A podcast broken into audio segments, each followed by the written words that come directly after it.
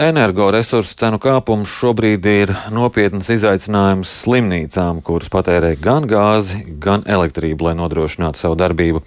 Lielākajās slimnīcās cenu kāpuma dēļ tagad jāmeklē pat vairāk miljonu, lai nodrošinātu pacientu aprūpi. Slimnīcas uzskata, ka pašas galā eh, nevarēs tikt un būs nepieciešams valsts atbalsts.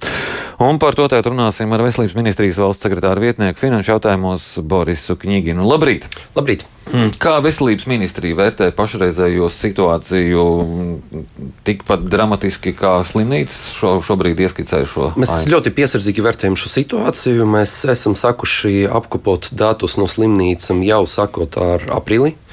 Uh, nu, redzot, ka pirmajos četrus mēnešus nebija tik liels pieaugums, tad par uh, uz doto brīdi apkapotajiem septiņiem mēnešiem mēs redzam uh, aptuveni 3 miljonus. Papildus izdevumi, ja mēs salīdzinām uh, to pašu periodu, septiņu mēnešu ar iepriekšējo gadu, tad plus 3 miljoni uz doto brīdi. Un plus uh, slimnīcu prognozes līdz gada beigām rāda, ka tas papildus sadardzinājums varētu sastādīt uh, vēl, uh, sakot, kaut kur no 9 miljoniem. Pa lielam uz dotu brīdi reķinamies, ka nu, tas prognozētais plus reāli izturētais varētu sastādīt 15 miljonus. Un, ja mēs salīdzinām ar visu iepriekšējo gadu, tad par visu iepriekšējo gadu mēs esam samaksājuši 15 miljonus.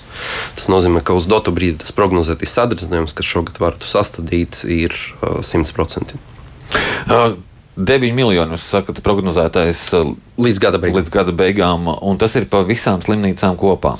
Jā, bet nu, ir jāreķinas, ka, protams, uh, uh, šis ir tādas ļoti provizoriskas prognozes, un kā realitāte izradīsies pēdējie mēneši, ir ļoti liels nezināmais. Jo dažiem ir, kā jūs teicat, ir gāzē, dažiem ir elektrība, dažiem ir citi, citi kurināmi, kurus vēl jāiegādājas tikai un tad attiecīgi mēs redzēsim jau faktu tuvāk gada beigām. Paralēli, kā mēs dzirdējam, tad arī koalīcija notiek diskusijas par kopumā uzņēmējdarbības atbalstu energoresursu ziņā. Tad gaidām arī, kas varētu būt no ekonomikas ministrijas piedāvāts, varbūt kaut kas līdzīgs pagājušā gada atbalstam. Tas arī kaut kāda veida mazinas, bet, nu, jebkurā gadījumā mums ir plāns augusta beigas, septembra sākuma informēt valdību par šo situāciju, tad noprezentēt visas šīs prognozes un tad attiecīgi lūgt atbalstu, paralēli skatoties, protams, kāds būs ekonomikas ministrijas piedāvājums. Tad e, tikai mēneša beigās, nākamā mēneša sākumā jūs valdībā ziņosiet par situāciju slimnīcās, un tikai tad varētu kaut kas uh, virzīties par. Uh, par atbalstu. Tas nebūs par vēlu? Uh, uz doto brīdi mēs nereķinām. neredzam tādu uh, aktuālu problēmu, ka ka mēnešu slimnīcas varētu uh, notikt tiešām finansējuma iztrukums. Uh, slimnīcas joprojām tiek finansētas ar Nacionālo veselības dienas avansiem. Tā kā uz doto brīdī tiešām. Tas, tie papildus izdevumi ner, nerada tādu slogu, lai uh, slimnīca sastaptos ar maksātnespēju. Mm, jā, nu šobrīd tas varbūt nav, bet, uh, nu, bet uh, varbūt tad, uh, ja šis, šis lēmums par iespējamo rīcību kavēsies, tad varbūt kāda slimnīca var pietuvoties šādai, šādai robežai. Nu, protams, mēs arī skatāmies alternatīvus uh, potenciālus scenārijus, kas varētu būt. Jo, jebkurā gadījumā mēs varam aiziet uz valdību, un neviens var uh, ne, neapstiprināt šādu finansējumu piešķiršanu. Jo šeit mēs taču runājam ne tikai par vienu nozari. Mēs kā veselības nozari, ir kultūras nozare, ir uh, citas sociālas iestādes, kuras sniedz valsts pakalpojumus. Tā kā nu, visam sociālajam sektoram šī ir problēma. Tāpat skolas. Uh, Attiecīgi, tur, cik mēs zinām, arī ministrija strādā pie saviem risinājumiem. Tur mums, nu, cik, cik mēs varam apzināties pēc pieredzes, ka nu, tas trieciens nebūs daudz mazāks. Protams, citas iestādes, kur varbūt nenotiek 24, 7 pakalpojumi, var arī kaut ko optimizēt, var kaut ko sašaurināt. Slimnīcas pie šī jautājuma arī strādā gan skatās, kā pāriet uz kaut kādam alternatīvam, kā iedarbināt ekonomiju slimnīcas, bet nu, jāreķinas, ka slimnīca jā. nav tā vieta, kur. Jā, bet vai slimnīca šajā situācijā var plānot savu darbību? Protams. Jau uz dotu brīdi. Nezinot, ka, ka, ka, cik liels kāds ka būs atbalsts, nebūs atbalsts.